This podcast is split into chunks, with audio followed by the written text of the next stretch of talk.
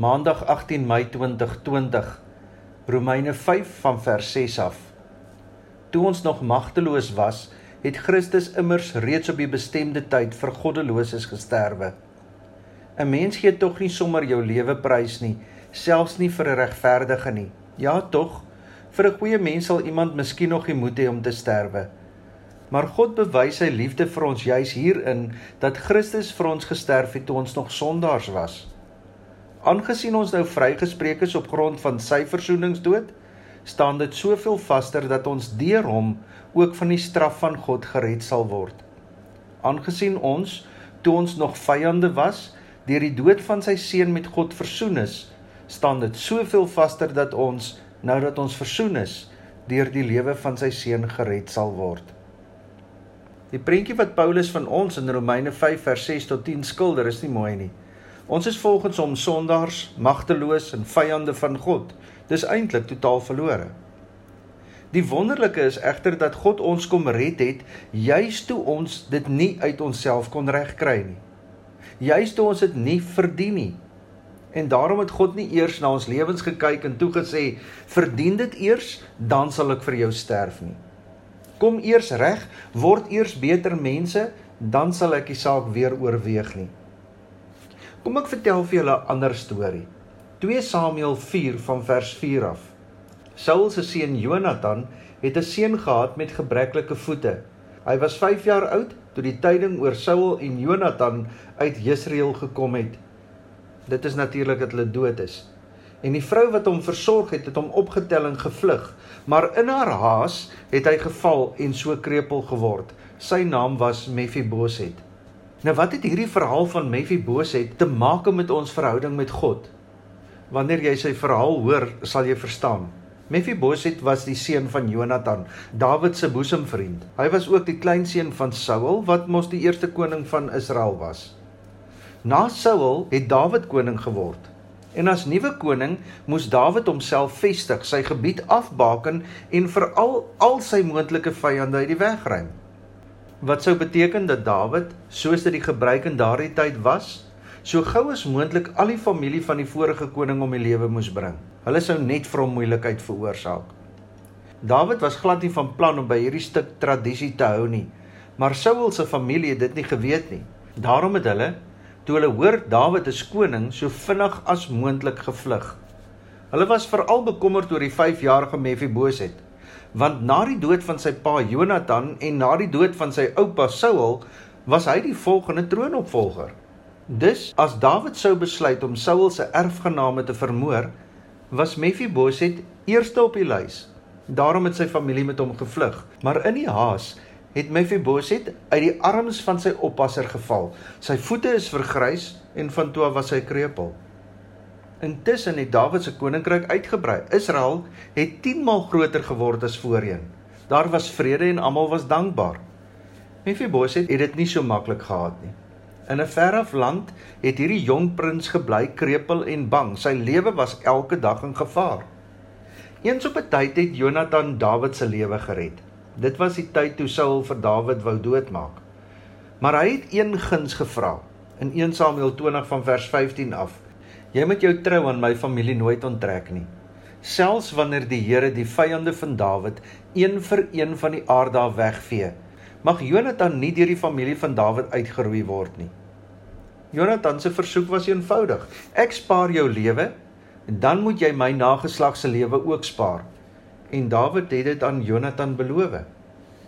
Dawid het eendag aan hierdie belofte gesit en dink en vra toe in 2 Samuel 9 vers 1: Het daar nie miskien iemand uit Saul se familie oorgebly nie?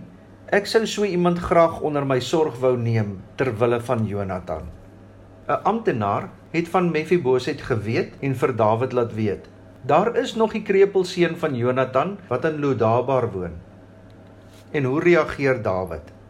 Hy sou kon sê 'n krepelkind sal nie in die paleis inpas nie. Net Eliet loop hier rond. Hierdie kind kan nie eers loop nie. En van watter nut kan hy wees? Hy het geen rykdom nie, hy het geen opvoeding nie, hy het geen opleiding nie.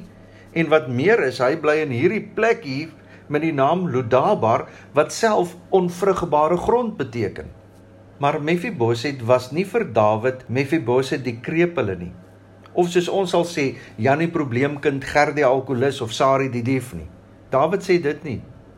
Toe hy Mephibosheth se naam noem, was dit vir hom Mephibosheth, Jonathan se seun.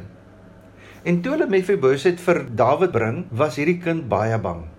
Hy het voor Dawid gekniel sonder om te weet wat gaan gebeur. Gaan Dawid hom nou doodmaak?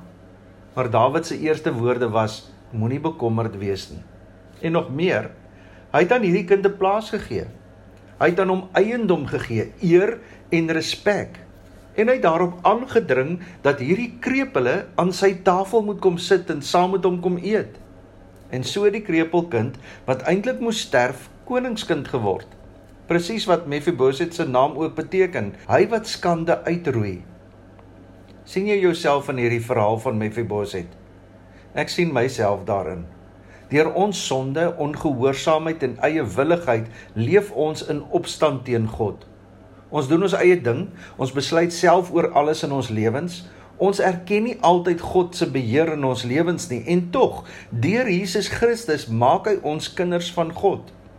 Ons is onvolmaak, permanent vermink deur die sondeval, gesken deur die sonde. Daarom dat Paulus ons vyande van God noem sondaars. Verder is ons ook magteloos om iets hieraan te doen. Jy kan nie vir jou eie sondes betaal nie. Net soos Mephibosheth nie iets aan sy situasie kon doen nie, kan ons ook nie. Ons kan niks, maar niks van ons kant af doen om by God te kom nie. Al dink ons soms so, maar ons kan nie. Eintlik is dit verby met ons. Maar wat maak God? Hy word nie aangetrek deur ons sogenaamde mooi lewens nie, maar deur sy beloftes dat hy ons God sal wees en ons sy kinders. Net soos Dawid sy belofte aan Jonathan onthou het, onthou God ook sy beloftes. Romeine 5 vers 8. Maar God bewys sy liefde vir ons juis hierin dat Christus vir ons gesterf het toe ons nog sondaars was. Hy roep ons na hom toe en nooi ons om altyd aan sy tafel van verlossing en genade te kom aansit. Dit maak nie saak wie jy is nie. Dit maak nie saak hoe jou verlede lyk nie. Dit maak nie saak of jy suksesvol is of nie. God wil jou red. Al is jy krepeel van al die ongehoorsaamheid en al die sonde in jou lewe, kan ons tog aan God se tafel van vergifnis en genade gaan sit. Deur Jesus Christus se bloed is ons skoon gewas en so mag ons kinders van God genoem word. God bewys sy liefde aan ons deur Jesus Christus vir ons te laat sterf toe ons nog sondaars was. En daarom verwelkom hy ons, nie op grond van dit wat ons doen nie, nie op grond van wie ons is nie, nie op grond van ons verlede nie, maar op grond van sy liefde En wie hierdie liefde van God verstaan, sal 'n nuwe mens wees. Ons sal anders leef. Mephibosheth was nie meer bang nie. Hy het aan die koning se tafel gesit. Hy's erken. Ons hoef nie meer bang te wees nie. Ons kan aan die koning se tafel sit. Hy erken ons. Ons is skoon gewas met die bloed van ons verlosser, Jesus Christus. Jesus Christus is aan die kruis geoffer sodat jy verlos kan lewe as kind van God. Maak nie saak wie jy is nie. Dit maak nie saak hoe jou verlede lyk nie. Dit maak nie saak wat jy besit nie. Jesus Christus het vir jou gesterwe sodat jy voluit kan lewe. Here skenk aan ons die genade. Lig waar ons net donker sien. Moed waar ons vrees. Hoop waar ons wanhoop. Vrede waar ons gemoedere storm. Vreugde waar ons hartseer is. Krag waar ons swak is. Wysheid waar ons verward is. Sagtheid waar ons bitter is liefde waar ons haat. Die Here sal julle seën en julle beskerm. Die Here sal tot julle redding verskyn en julle genadig wees. Die Here sal julle gebede verhoor en aan julle vrede gee. Laat hier u vrede deur my vloei. Waar haat is, laat ek daar u liefde bring. Laat ek in pyn en smart vertroostend wees. En krag gee deur geloof in U, o Heer. O Heer, help my om altyd so te leef. Om ander hoër as myself te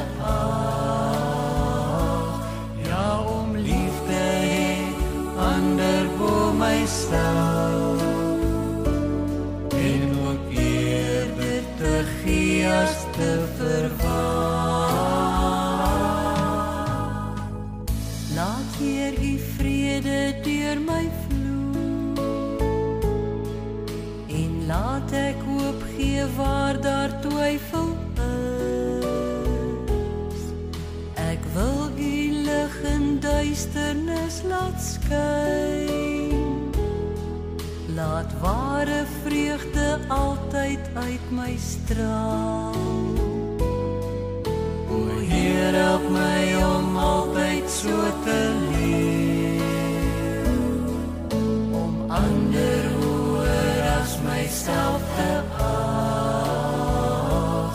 Ja, om lief te hê ander bo myself. En ook eerder te gee as te verwag.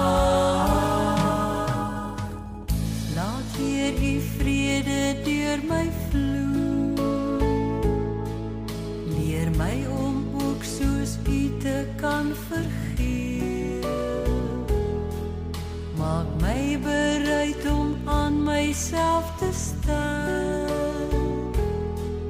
Dat ander u al